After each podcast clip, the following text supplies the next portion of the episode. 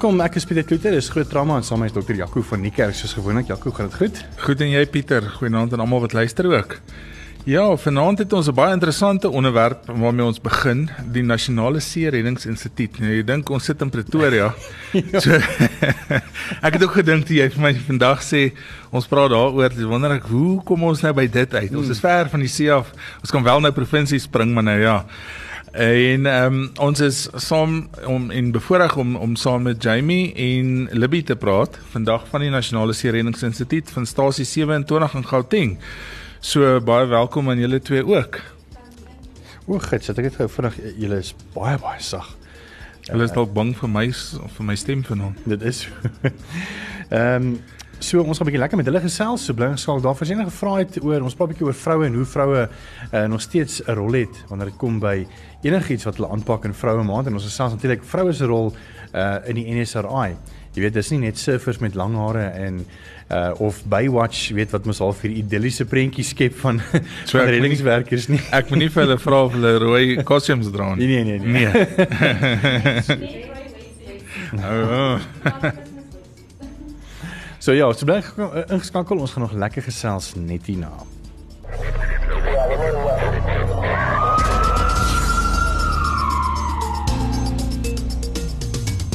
Dis Augustus en is ons steeds vroue maand en ons vier natuurlik die rol van vroue uh in ons gemeenskappe en vanaand is dit nie anders nie. Dis my lekker om 'n bietjie te verwelkom vir Jamie Potgieter en Libby Nittel. Do ons Libby is reg. But how, how do you pronounce your your surname? It's Nittel. Nittel. Yes, Nittel. Very neat. Neat surname. Listen, uh, Summer, welcome you guys. I'm going to speak a little bit of English because I know that you're from Benoni and dan Jamie, jy kan Afrikaans praat want jou van is potgieter, so jy het nie enige verskonings nie. um, ek gaan sommer begin. Um, Jamie, ag ja, Jamie, jy's met die mikrofoon vat en 'n bietjie vir ons leiding neem. Ehm um, jy's nou al jy's nou 21 jaar oud. Ehm um, en jy het nou al begin met vrywillige werk by die NSRI uh al omdat jou pa alreeds jare betrokke is en hy's ook nou die stasie bevelvoerder van ja, van ehm um, stasie of, of of station 27 soos dit soos dit bekend staan daar in Benoni. Maar is nie vreemd as jy net sê maar vir jou skoolmaats sê hoorie maar jou jou pa is nou die stasie bevelvoerder en en also van NSA en dink hulle o, jissie, bly jou pa nou in 'n man se toutie of wat? Ehm um, was nie vir jou vreemd om te dink dat daar NSA is hier binne in die binneland nie? Ek het groot geword met NSRI, so is nie 'n groot what's it doing in Gauteng? Ja. Maar almal vra, maar daar's no sea here. What are you guys doing? ja. Hulle weet nie dat ons al um, baie werk doen op die flash flooding en skoolwens daai tipe goed. So ons hou besig. Ek dink een voordeel om 'n lid te wees van NSRA hier bo in die Gauteng is dat jy nie hoef te worry oor haie nie maar wel krokodille. ja. Het julle al nou uh, het julle al gehoor van nou ontkomings van krokodille of of moes jy al in in in crocodile infested waters inspring om iemand se lewe te red? No, we leave that to Richards Bay. Oh really? But listen, Libby, you um you also had a lovely article on, on in uh, Marula Media. Um or not uh, sorry, Jamie, you had a very very nice um article in Marula Media. You're 21 years old and you've also done about a 1000 hours of voluntary work so far and you're so young. What isn't it competitive being? You know, us guys. You know, we always like. You know, we can pick up the strongest buoy. Uh, we can swim the fastest. You know, uh, what do you think is the role of women? You know, in in a competitive environment like that. Well, as Livy would probably agree, we tend to show them that we can do just as much as they can. If not more. If not more, because we have the added empathy that a lot of the men on station sometimes battle with.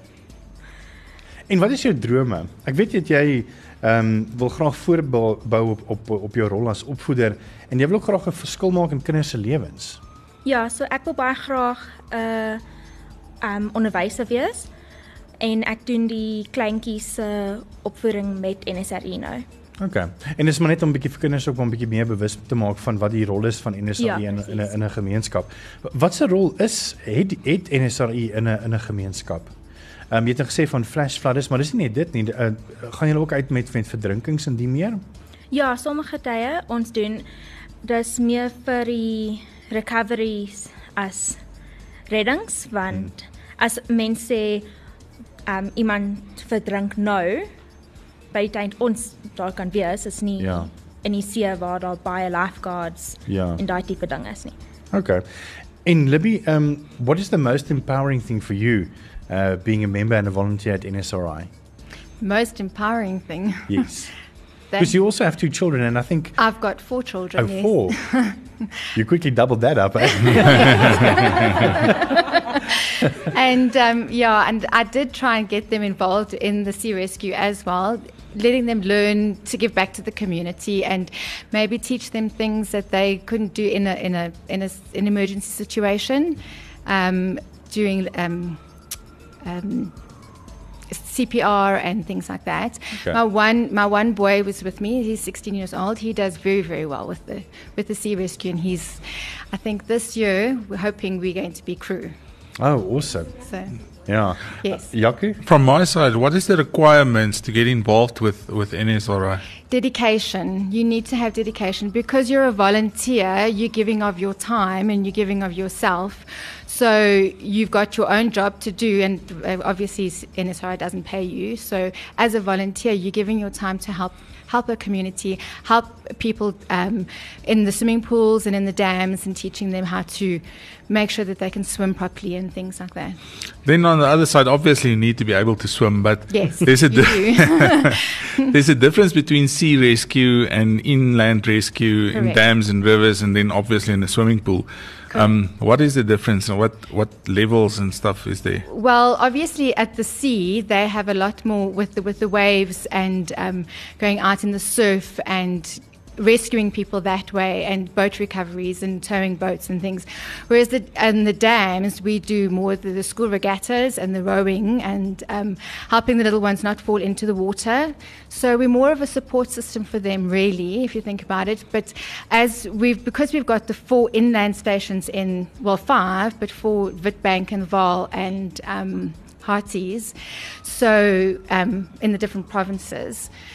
Um, they also have different roles that they play in when they go out to rescues and the yachts and people on their boats. I mean, if they have a um, go to the dam on a Saturday and they get drunk and they fall off the boat, then they need somebody there to assist them. That's awesome. I, I really admire the, the work that you guys do. Uh, but like Yaku said, I mean, you, you obviously have to have a bit of a flair when it comes to water. You, uh, were you scared of water or, um, I mean, we just jump right in? Um, is there courses that you have to do to be involved with the NSRI? I mean, is there prerequisites? Um, prerequisite, um, not well. We we teach the people when they come to us, so we will teach them first aid and we will teach them. Um, how to swim. They don't necessarily have to swim. Being a good swimmer is, is one is a very good advantage, but there are other things that they can do um, besides just swimming and rescuing somebody from the water. There's lots of different roles that they can play. And up to what level do they do first aid? CPR or a more advanced stuff? Or Um, it's not advanced. It's more we're there to support. So um, it'll be we do up to level three. Um, First aiding, it's MEC, the um, requirements that we have to have. But then obviously we prefer to hand over to the more qualified. So we're there as a standby.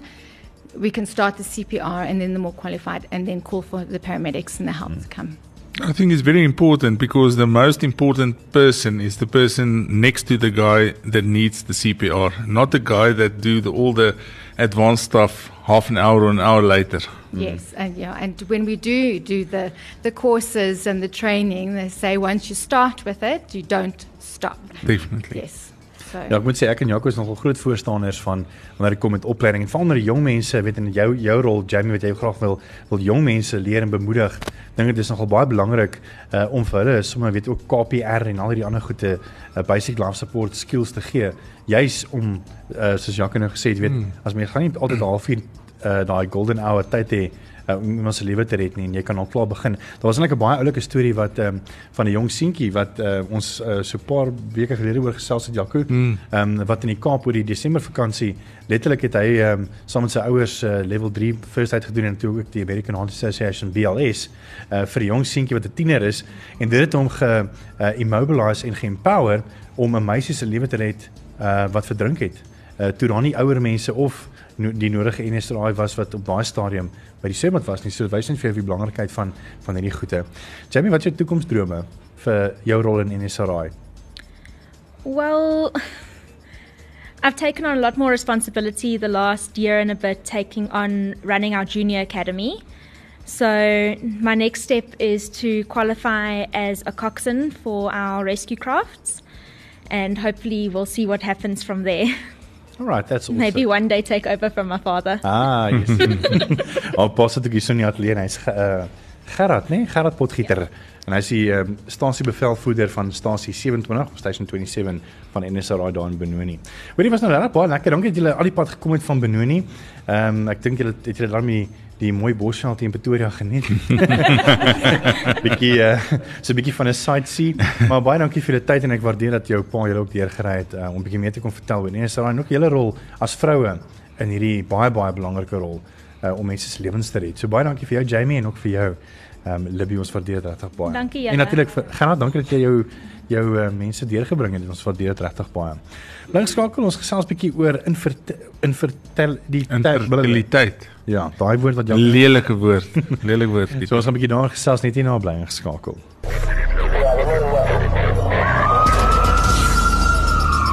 Welkom terug is groot trauma. Ek is Pieter Kloete saam met dokter Jaco van die kerk en ons gesels nou 'n bietjie met dokter Lenet Nel.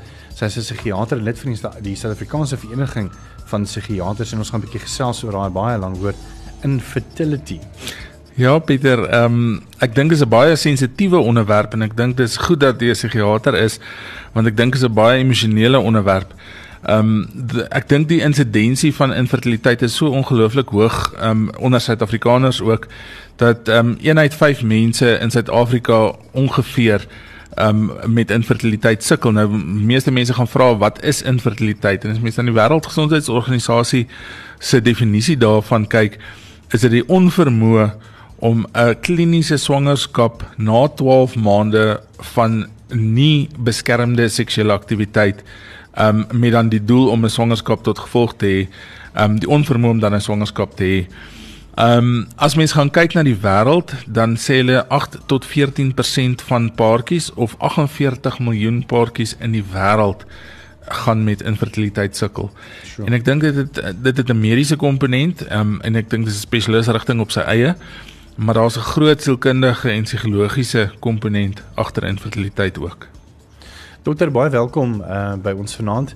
Is ja. dit meer onder mans of vrouens wat uh, hulle sukkel met infertiliteit? Of hoe hoe hoe sien jy dit in praktyk? Dit is maar die egpaar saam wat sukkel met um infertiliteit. Maar dit is baie keer die vrou wat net swaarder aan hierdie las dra want um dit is net meer sigbaar onder die vroue en um daar's verskeie studies en mens kan nie regtig uh dit werk die die die oorsaak van die infertiliteit. Ehm um, as mens so 'n uh, ehm um, gemiddelde vat van wat uit die studies kom, kan dit wees 40% die vrou se die voor dat die oorsaak by die vrou lê, 40% by die mans en 20% beide. Maar dit is asof die lading net terugland by die vrou. En ehm um, dit moet aandag kry want vrouens kan ehm um, baie swaar kry emosioneel daardeur en dit kan hulle op baie maniere ehm um, beïnvloed en hulle word gestigmatiseer daaroor. Hulle kan later nie meer hulle werke ehm um, doen soos hulle moet nie en hulle kan hulle hele funksionering sosiaal en occupational kan daardeur beïnvloed word. Het die druk ehm um, wat wat 'n vrou ondergaan uh, juis oor weet van familie wil graag nou kleinkinders hê uh, die man weet wil graag 'n kind hê hulle probeer en al gebeur niks nie. Dink jy die die psigiese druk op die vrou kan veroorsaak dat dit ook komplikasies kan hê met met uh, met om nie swanger te raak nie? Ja Pieter dit is eintlik 'n rouproses dit is iets wat nie aan jou verwagtinge voldoen nie. So en ehm um, jong dames trou, hulle gebruik kontrasepsie, hulle verwag dat hulle net dit kan los en dadelik swanger word. So hoe langer hierdie proses aanhou, hoe swaarder begin hulle kry. Hmm. Dit tas hulle selfbeeld aan ehm um, en uh, baie mense hou nie daarvan om daaroor te praat nie. Ehm um, hulle wil nie graag gaan hulp soek nie en selfs al kom hulle by die ehm um, uh, infertiliteitsspanne uit, word dit partykeer misgekyk en dit is so integrale deel van die multiprofessionele span ehm um, uh, dat jy die psigiatriese ehm um, diagnose ook moet hanteer, sou daar een wees. En infertiliteitsbehandeling is nie dit is 'n lang reis en 'n moeilike reis. En dit is vir beide die man en die vrou moeilik. Maar ehm um, en so kan dit dan ook ehm um, angs en depressie veroorsaak. So dis eintlik so twee snydende swaard want ehm um, dit kan of 'n rede wees uh, of dit kan veroorsaak word ehm um, uh, deur die infertiliteit. Ja, ek dink van my kant af ehm um, wat wat soms pasiënte sien wat met hierdie tipe van probleem na jou toe kom, die kliniese komponent daarvan is ek dink daar moet 'n groot klemverskywing wees. Ons het nou gehoor mans kan eintlik meer bydra tot infertiliteit baie keer as vrouens. Maar jy sien nooit die man voor jou in die spreekkamer sit nie. Jy sien nooit die man kom vra en sê toets my en kyk of of of die probleem nie by my is nie. Ehm um, en ek dink persoonlik dit is baie makliker om die man te toets as die vrou. Daar's baie minder wat kan fout gaan of al baie minder wat wat jy moet na kyk as wat jy by die vrou gaan kyk. Ehm um, en as jy eers die die probleem gekry het, dan begin daai lang pad en ensovoorts. Maar baie keer dink ek die vrou voel skuldig. Ehm um, maar eintlik is sy glad nie betrokke by die oorsaak nie. Hmm. En ek dink dis 'n groot probleem. Ja. Hoe sien u dit ehm um, van van ook 'n weet konsultasies af hoe en hoekom is mans nie betrokke nie? Pa, ons kan dit nie veralgemeen nie. Party ja. mans is baie betrokke by ehm um, die egpaar se en en, en mens wil dit graag so hê. Maar dit is in so baie hartseer gevalle dat die vrou wel gesideline word en dat dit gesien word as haar skuld.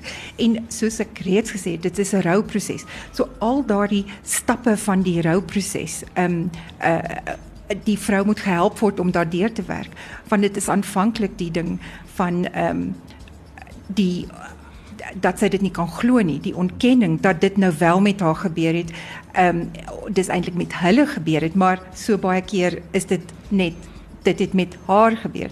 So mens moet daardeur ehm um, werk want dit is die ontkenning en dan volg 'n uh, de depressiewe fase, dan die ehm um, fase wat jy eintlik kwaad kan raak, ehm um, uh kwaad met jouself met ehm um, die mediese personeel ehm um, die egpaar kan vir mekaar kwaad raak en dan dan kan mens oorgaan na 'n onderhandelingsfase wat jy die voor en nadele en die hele situasie eh, opweeg en dan uiteindelik die aanvaarding.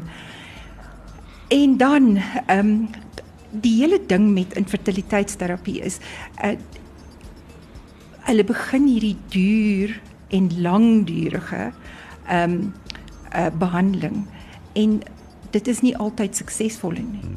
So daar's die daar's daai al ewige verwagting en dan moet jy weer deel ehm um, weer met 'n verlies ehm um, uh basis deel en en dit moet mense in ondersteun word. Ons is selfs net nie nou weer verder, dis Dr. Lenet Nel. Sy is 'n psigiater en ook lid van die Suid-Afrikaanse Vereniging vir Psigiaters se bly ingeskakel. Sy het gevra het ook oor infertiliteit. Ehm uh, miskien nog weet jou suksesstorie van weet hoe jou reis was met infertiliteit en hoe jy dan ehm um, kinders gebaar het. Wil ons graag van julle hoor by 061 610 4576 onthou standaard tariewe geld. Ja,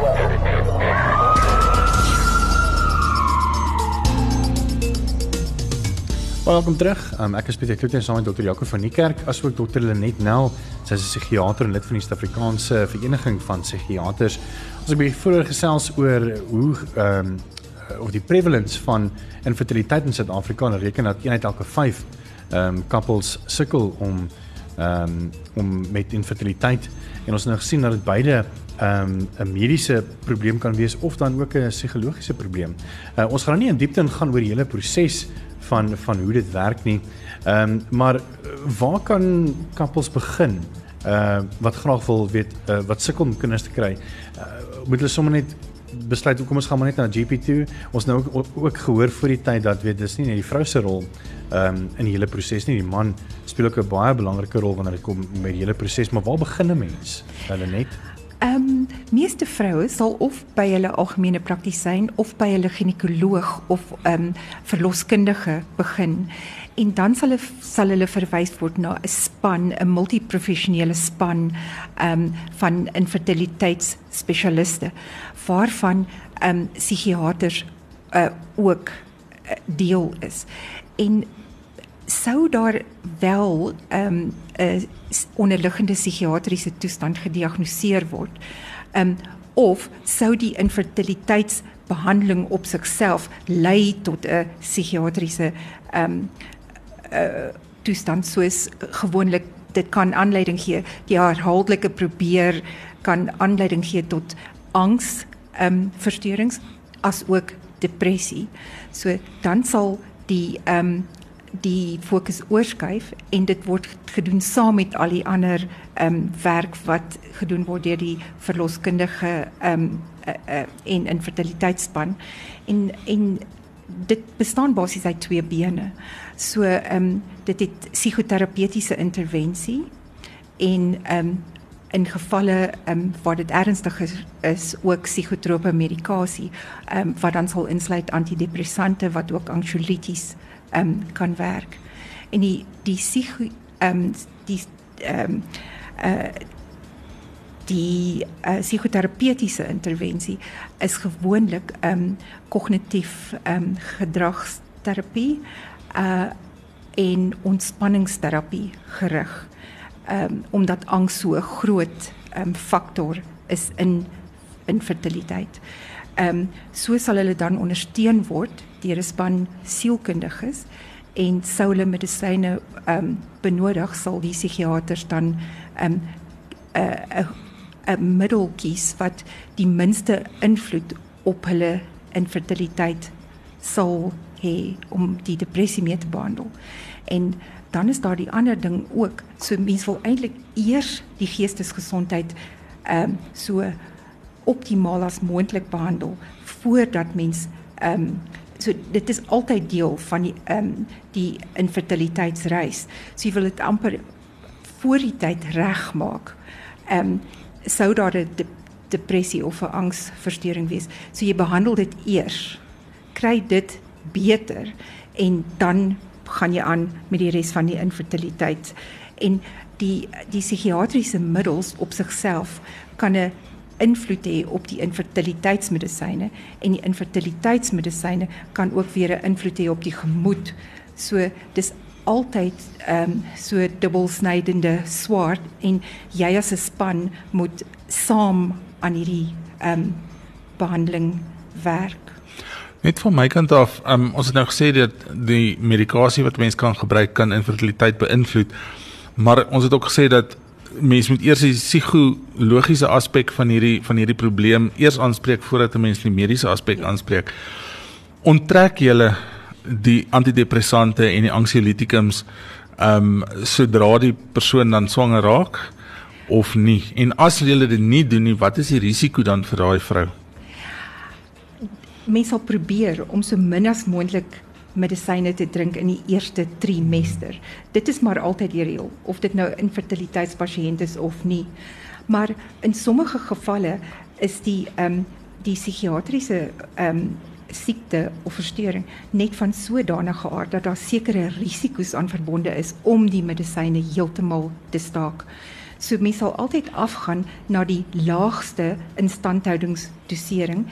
Baie mooi kyk na as daar kombinasies was. So jy sal regtig probeer om net met soos een middel ehm um, in uh, ehm verder te beweeg. En dit is 'n baie individuele ding. Ehm um, en daar seker geen middel, geen psigiatriese middel kan tydens uh, daar so min data oor ehm um, middels tydens swangerskap. Hmm. Maar partykeer selfs in jy kan nooit 'n psigiatrie studie doen op 'n swanger vrou nie, maar partykeer gebeur dit net dat as 'n nuwe psigiatriese middel op die mark kom, dat tydens daardie studies daar wel van daardie mense ehm um, sou swanger word. Dit is ehm um, dis nie dit gebeur per ongeluk. Dit is nie iets wat ooit beplan is in enige hmm. protokol nie.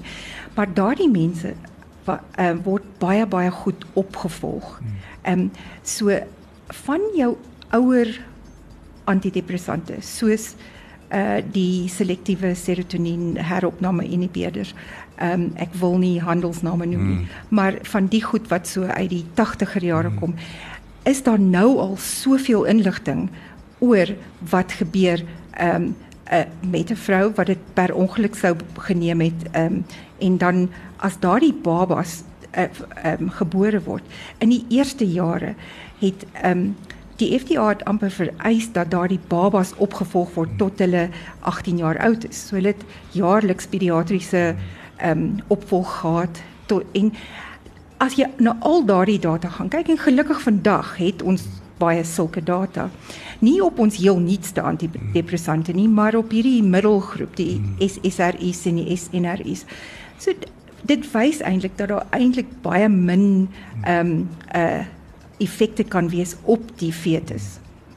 So daarom kan 'n mens vir 'n pasiënt met infertiliteit sê, hier is die data van sekere middels, daarom gaan ons jou op 'n uh, instandhoudingsdosering. Uh, so ons beperk die risiko met goed wat ons weet ehm um, kan gebruik word in swangerskap. Daar is sekere middels natuurlik soos veral van uit die gemoedstabiliserende groep, maar daar praat ons meer met bip, van die bipolêre gemoedversteuring medisyne wat glad nie in swangerskap kan gebruik word nie, want dit het teratogeniese neeweffekte. So en as 'n vrou dan dus daardie diagnose sou hê om te begin, is dit 'n hele ander storie as net 'n uh, depressie of 'n uh, angs. Dit raak beter met die tweede trimester, kan jy meer vryheid met die medisyne, maar mens probeer dit maar altyd beperk tot en met geboorte en en dan is dit 'n keuse. Want ehm um, die studies oor hoeveel van die medisyne uitgeskei word in die borsmelk is ook altyd ehm um, onderwerp van bespreking. En ons weet in partymiddel ehm um, is dit so min hmm. ehm um, dat jy eerder sê die ma kan die kans gegee word om dan wel borsvoeding te doen terwyl sy haar medisyne gebruik en mens wil eerder 'n gesonde ma hê as 'n ma met postnasale depressie want dit is 'n groter risiko hmm. ook vir die baba. Ek dink net net ekskuus Pieter, ek sien jy wil al vir my stil maak, maar dis nou vir my baie interessante ding. Net vir die mense wat nie weet min of meer hoe die studies werk nie. En dis eintlik goed veral nou met vroue maand ook dat hulle eintlik beskerm word want om enige studie in medisyne te doen is daar 'n etiese komponent by betrokke en om enige studie te doen moet 'n etiese komitee erns sit om hierdie ding goed te keur en dit sal nie eties wees as jy weet daar kan potensiële neeweffekte wees van 'n middel om 'n studie daarop te doen nie. So dis nie omdat die medisyne en die en die persone of die medisyne lei is of net nie belangstel nie. Dit gaan eintlik maar daaroor dat dit nie eties is om 'n swanger vrou in 'n posisie te sit waar sy dalk potensieel kan komplikasies kry nie en ek dink baie van hierdie data wat wat dokter Nel nou gesê het ook is dat ehm um, dit uit ervaring uit wat mense kan sien wat gebeur en wat nie gebeur nie. Hmm. Ja, wij, ons tyd het ongelukkig uitgeloop ongelukkig. Uh, mense wat nog so baie gepraat het. Maar weer eens dankie vir u tyd dokter Lenet Nel. Ehm um, en baie dankie vir u tyd om op Woensdag aan uit te kom bietjie meer te gesels oor infertiliteit. Ek sien daar is 'n webblad wat mense bietjie meer kan uitvind oor infertiliteit. Ehm um, IFASA, die Infertility Awareness Association of South Africa. As jy 'n bietjie meer daaroor ehm um, wil gaan oplees, die webblad is ifasa.co.za. Dis I F A A S A en jy kan 'n bietjie dalk meer verder gaan lees. Is daar ander webblaaie wat jy dink uh, mense 'n bietjie meer kan leer oor infertiliteit en waar om te gaan hulp soek? Daar is verseker, maar van my veld kan hulle ook na die Suid-Afrikaanse ehm um, uh, uh depressie en uh, die SADAG groep, hmm. South African um Association of Anxiety and Depression um, gaan Webblad. kyk na hulle webblad van waar hulle kan hulp kry as hulle dink hulle dit sal nodig hê verseker. So dis Sadak ook wat jy kan besoek. Ons het nou lekker al gesels ook oor hmm. oor depressie en angs. So ek dink ehm um, my webblad is weer sadak.org.za as ek reg kan onthou van laas keer. So besoek dit gerus of Google dit net. En uh, Venus baie dankie vir die tyd. Ons waardeer dit baie. Dankie, dankie vir jou om gekom het en natuurlik is my Alda. En ons is volgende week Woensdag weer saam met die potgooi so teen die einde van die week op ons webblad wees. uh, besoek grootfm.co.za. Groot FM 90.5